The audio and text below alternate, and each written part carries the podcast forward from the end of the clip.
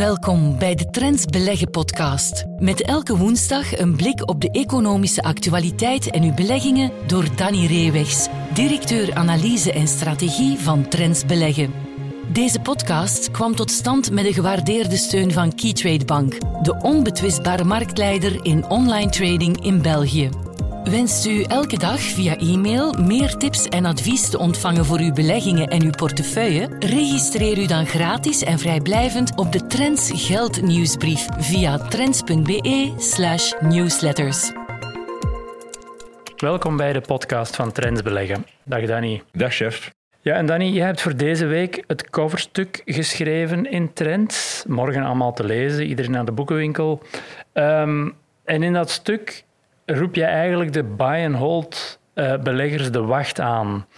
Omdat jij zegt, de beurs die beweegt zich over heel lange termijncycli. En het punt waarop we nu zijn, daar zullen we later in het gesprek nog wel op terugkomen, ja, doet ons wel vermoeden dat, er, uh, dat we op een belangrijk kantelpunt zijn in die, die beurscycli. Maar om eerst even over die cycli te spreken. In, in het Engels spreken ze van secular bull markets en secular bear markets.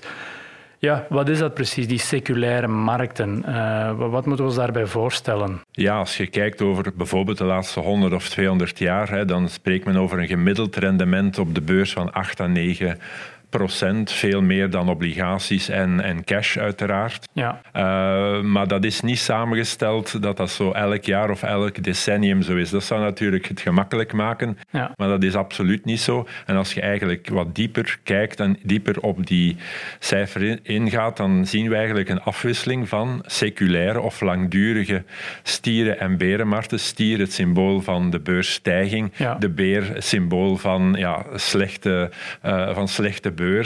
En dat wisselt zich af, zien we, uh, in een toch wel vast patroon, nu al een, een 200-tal jaar lang. En dat betekent in een seculaire stierenmarkt hè, dat er uh, heel veel nieuwe toppen worden gezet, maar geen nieuwe bodems. Dus ah, dat ja. je voor jaren eigenlijk, na uh, de vorige berenmarkt, dat je voor jaren zit met een bodem en dat je tientallen, honderden nieuwe toppen krijgt gedurende gemiddeld een periode van ongeveer 15 jaar. Mm -hmm. Hè, waarbij het gemiddeld rendement 13,2 procent per jaar is. Ja. En dat betekent, als het ongeveer 15 procent is, dat je om de vijf jaar die index ziet uh, verdubbelen. Dus ja. in die periode uh, ja, zie je een vermeer, vermeervoudiging van de index. Helemaal anders in een langdurige berenmarkt. Ja. Uh, dan is het gemiddelde rendement min 0,3 procent over de voorbije 200 jaar.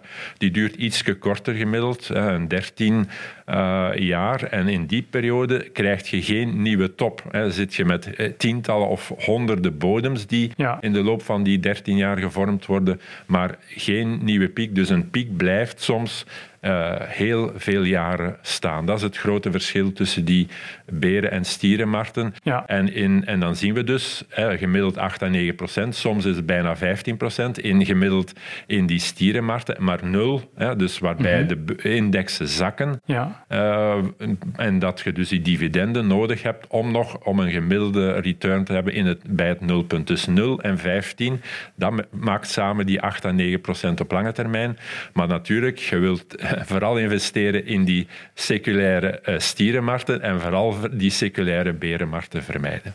Ja, en de termijn waarop je dat bekijkt, dat is ongeveer tussen de 10 en 15 jaar dat die zich afspelen? Ja, dus uh, der, meer dan 13 jaar gemiddeld is het voor de berenmarkt en iets langer, bijna 15 jaar gemiddeld voor de stierenmarkt. Maar we hebben de, de kortste is 8 jaar, de langste 20 jaar. Dus het kan ook wel ah, ja. variëren. Het is niet zo dat het elke keer ongeveer tussen 10 en 15 jaar ligt. Ja, en jij hebt voor jouw stuk echt, je hebt de afgelopen 200 jaar bekeken hoe die seculaire beren- en stierenmarkten zich gedroegen. Als je kijkt, de, de lange termijn trends die daarvoor verantwoordelijk zijn, wat, wat zorgt ervoor dat we met die, met die lange termijn cycli zitten? Wat ligt daaronder?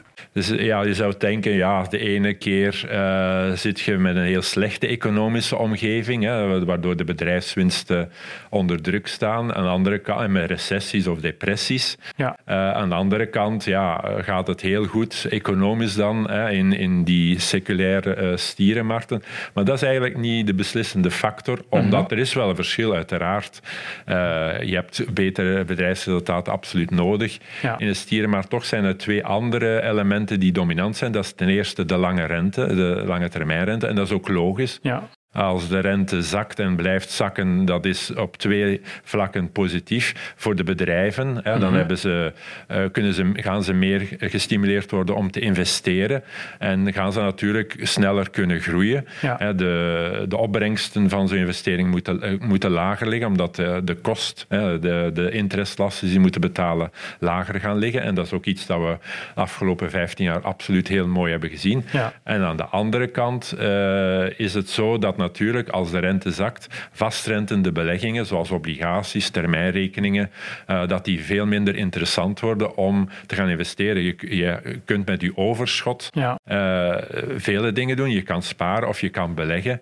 En natuurlijk, als de rente zakt, ga je eerder kiezen voor aandelenbeleggen. Als, als je 5% of meer krijgt op, uh, op een vastrentende belegging, gaan veel mensen het risico van de beurs niet nemen. Natuurlijk, wat we gezien hebben, als de rente altijd maar zakt en je krijgt maar vastrente 1%, ja, dan zeg je, ja, dan is het risico van uh, in aandelen te gaan beleggen dat wel waard. En dus dat is een bepalende, bepalende factor en dat is logisch. En het tweede element is het sentiment. Hè. Dat is een subjectief element. Ja. Uh, dat is, dat, uh, en daar zien we het kuddegedrag van ons als mensen.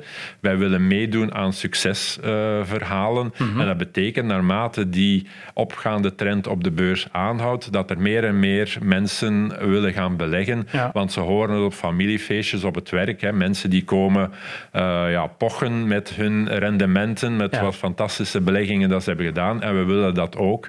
En dan zien we naarmate de stijging doorgaan, dat meer en meer mensen daar naartoe willen en naar de beurs gaan, zonder vaak uh, veel, uh, veel kennis ervan. En het zijn die die natuurlijk die markten opdrijven en dan voor zorgen dat de koersen veel harder gaan stijgen dan de winsten. De winsten stijgen nog, ook op het einde ja. van zo'n opgaande markt, maar de koersen gaan veel harder stijgen omdat er veel meer mensen naar die beurs komen. Omgekeerd, niemand wil nog praten over de beurs als die al lange tijd aan het uh, dalen is. En dan zien we dat mensen er niet meer tegen kunnen, altijd maar met die verliezen geconfronteerd worden. En ondanks het feit dat de, de resultaten niet zo slecht zijn, gaan ze toch hun aandelen beginnen te dumpen. Mm -hmm. En zie je dat, ja, dat die waarderingen dan ook steeds dieper gaan doorzakken. En dat is een combinatie van uh, rentecyclus die ja, 30, 40 jaar duurt. En als je een stieren- en een berenmarkt die seculaire optelt, kom je ook gemiddeld aan 35 jaar over de voorbije 100 jaar. Ah, ja. Maar daartussenin heb je nog het sentiment hè, dat dan voor zorgt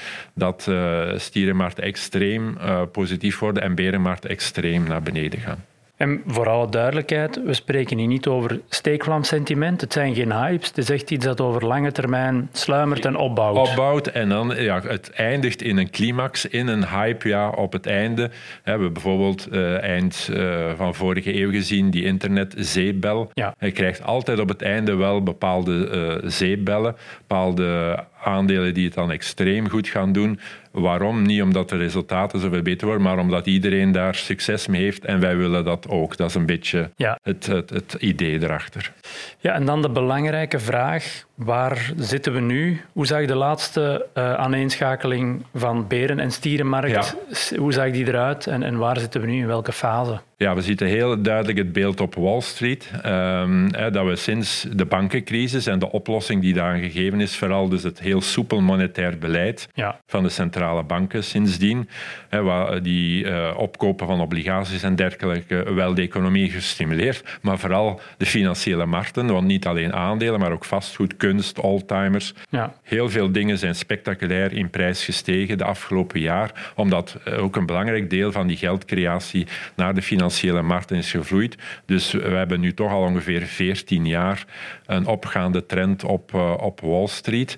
Uh, en de vorige, de laatste berenmarkt, herinneren we ons allemaal tussen 2000 en 2009, is begonnen met het doorprikken van de internetzeebel, waar vooral dus de technologieaandelen eerst heel zwaar ja. onderuit zijn gegaan. En dan uh, is dat geëindigd in de climax met de extreme daling uh, naar aanleiding van de bankencrisis, toen het financieel systeem toch wel op zijn grondvesten daveren. En we zagen dat heel veel aandelen op een half jaar tijd 50% en meer verloren zijn. Ja, dus we zitten nu nog in die seculaire stierenmarkt. Ja. Uh, maar ja, jouw stuk lezen, ik heb het al een voorproefje uh, kunnen, ja. kunnen van nemen, ja, doet jou denken dat we toch wel aan het einde daarvan zijn. Welke signalen vang jij op om te zeggen van oké, die stierenmarkt waar we nu in zitten, begint toch maar uh, rekening mee te houden dat het gedaan is? Ja, ik zie vier elementen en dat is ook de reden waarom dat ik het stuk geschreven heb, omdat ik vrees dat we ja, in zo, Ja. eh, om in voetbaltermen te zeggen, in de blessuretijd zijn, eh, zijn ja. gekomen. Ten eerste, ja, zoals ik daarnet aangaf, de, om, eh, de duur van, eh, van deze stierenmarkt is al 14 jaar bezig. En dan zitten we dus bij het gemiddelde. Dat wil op zich niet zeggen oké, dat het niet nog twee, drie jaar zou kunnen, Ja. kunnen duren. Hè. Dat, eh, op zich is eh, het is gemiddeld 14 jaar, maar daar zitten dus die verschillen van 8, 9 tot 20 jaar bij. Maar bon, dat is toch al, mocht al zeggen, het is al vrij matuur. Het is toch al een heel tijdje bezig. Eh, dan ook de omvang van de stijging. Hè. Als we kijken vanaf de bodem in maart 2009 tot de, de top u had en ook nu, want we zitten niet meer zo heel ver terug voor, eh, voor de S&P 500 bij die top.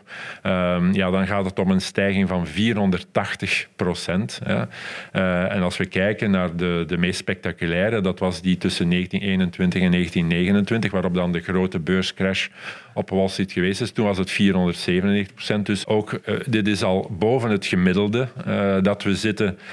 En dat is te verklaren door die extreem, extreme veranderingen in de monetaire politiek, denk ik, waardoor de bedrijfsresultaten en allemaal en ook de mondialisering, waardoor die heel sterk zijn kunnen toenemen.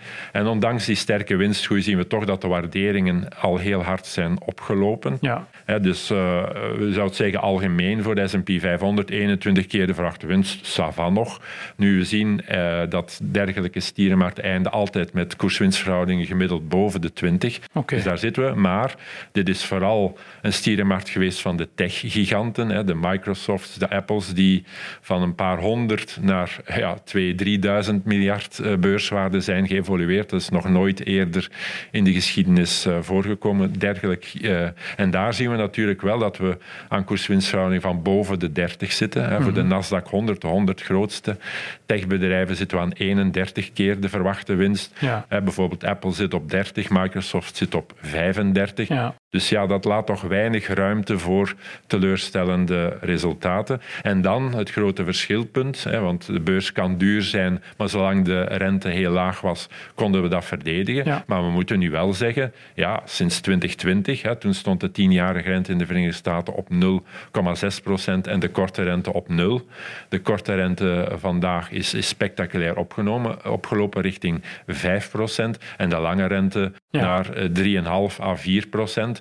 Dus dat betekent dat bijvoorbeeld vastrentende beleggingen of kortlopende bele uh, beleggingen, korte termijnrekening, een mooie opbrengst leveren. En dat is denk ik toch wel een op zich ook wel bedreigende factor, ook voor de waardering van, uh, van Wall Street. Dus dat is toch wel een verschilpunt. En dus ik uh, ben ervan overtuigd dat die rentecyclus terug aan de opgaande beweging is, is begonnen. Ja. En dat is natuurlijk wel bedreigend voor, uh, voor Wall Street. Ja, dus vier signalen die erop kunnen wijzen dat uh, dat feestje bijna gedaan is. Maar wanneer weten we definitief dat we in die nieuwe lange termijn berenmarkt zitten? Want je zou, je had het bijvoorbeeld begin 2022 kunnen zeggen, toen alles naar beneden is Ja. gegaan. Ondertussen zijn we daar weer deels van hersteld. Ja. Dus wanneer weten we van, oké, de, de seculaire berenmarkt is ingezet? Ja, er is één uh, hulpmiddeltje en dat is dan grafisch. Dat het kijken naar het lange termijn gemiddelde. Hè. Dus 200 daags gemiddelde op lange termijn. En dan zie je dat dat uh, in de voorbije 15 jaar een aantal keer aangeraakt is. Even zijn we eronder geweest in 2020 met het uitbreken van de coronacrisis. Toen was er ook een, een paniekfase op de beurzen, maar dan heeft de markt zich ook snel hersteld toen we zagen dat overheden toch wel spectaculair begonnen, begonnen in te grijpen. Um, dus dat is denk ik toch wel een punt om, uh, om aan te halen. Ja. Um, en nu zitten we in oktober 20, 2022 zijn we ter, terug naartoe geweest. Hè, naar dat uh, 200-daags gemiddelde lag toen op 3500, 3600 punten. Ja. Ondertussen verder gestegen richting 3900. Dus dat is een eerste punt. Als we daar zouden onderzakken bij de volgende correctie op de markten, Ja. Ja, dan moeten we toch zeggen dat de alarmsignalen afgaan. Dan moeten we er heel snel terug kunnen boven gaan. Anders mogen we toch uh, gaan besluiten dat die uh, cyclus is afgelopen. Het kan dat die daling niet ver genoeg gaat en dat we nog eens een, naar die top van begin 2022 gaan. Maar evengoed hebben we dus die top al gezien. Ja. En nu uh, de belangrijkste vraag: wat moeten beleggers doen in aanloop daar naartoe? Uh, pleit je dan voor een verandering van aanpak, uh, verandering van stijl, regio? Ja, wat kunnen ze doen, ja. moeten ze doen om, om hier tegen bestand te zijn? Ja, dus zeker een verandering van aanpak. Hè. Zoals je begonnen bent, buy and hold, dat is een fantastisch systeem uh, in, een, op, uh, in die langjarige uh, stierenmarkt. Ja. Dan bij elke correctie koop je terug bij en binnen de kortste keren zijn er nieuwe records en heb je daar al mooie winsten op. Dus je zal actiever met je portefeuille moeten, moeten gaan omgaan. Want voor alle duidelijkheid, een, een seculaire berenmarkt wil niet zeggen dat we jaar na jaar gaan zakken. Nee, er zijn ook hele goede jaren bij waar 20, 30 procent koersstijging mogelijk is. Kijk bijvoorbeeld maar ook weer naar de afgelopen zes à negen maanden zijn we toch mooi hersteld. Ja. Maar dan hebben we natuurlijk eerst een forse daling gehad. Dat zijn altijd correcties op die daling. En wat is dan de fout die vele particuliere beleggers? Als het naar beneden gaat, dan, dan doen ze niks. Ah, ja. Maar herstelt het, juist dan richting weer zo'n tussentijdse top. top, dan beginnen ze terug uh, te kopen. En natuurlijk, zo gaat hun gemiddeld rendement altijd maar achteruit en achteruit. Dus dat mag je niet doen. Je moet wachten tot er paniek is. En dan kan je nu kopen. Voelt iedereen zich weer uh, heel optimistisch, ja, dan moet je eigenlijk terug je winsten beginnen te verzilveren. Dus dat is één ding. Twee, uh, heel belangrijk is, de, de, de sterren van die stierenmarkt, die zijn absoluut te mijden in die berenmarkt. En dan denk ik bijvoorbeeld aan tech-aandelen, dan denk ik aan bij ons dan eerder vastgoedaandelen. Uh, want die hebben ja, schitterende returns kunnen maken omwille van de lagere rente. Als de rentecyclus is gekeerd, ja, dan gaan die het toch wel een pak moeilijker krijgen. Hetzelfde voor de tech. Die hebben prima winstvooruitzicht op lange termijn, maar die moeten dan verrekend worden op vandaag. En dan zien we, bij de vastgoedaandelen uh, vertaalde zich dat enorme premies ten opzichte van de intrinsieke waarde. Bij de tech-aandelen vertaalt zich dan momenteel die populariteit in gigantisch hoge waarderingen. Dus die moeten we dan, ja. uh, als, zeker als lange termijn belegging, volledig gaan, uh, gaan mijden. En moeten we meer gaan naar defensieve aandelen. Ik heb het hier al eens gezegd in een podcast een aantal weken geleden. Telecom zou wel eens een betere belegging kunnen zijn dan tech uh, dit decennium, omdat je daar al de berenmarkt volledig hebt zien doorgaan naar extreem lage waarderingen ja. en nul absoluut pessimisme. Niemand wil daar nog aankomen of wil daar naar kijken.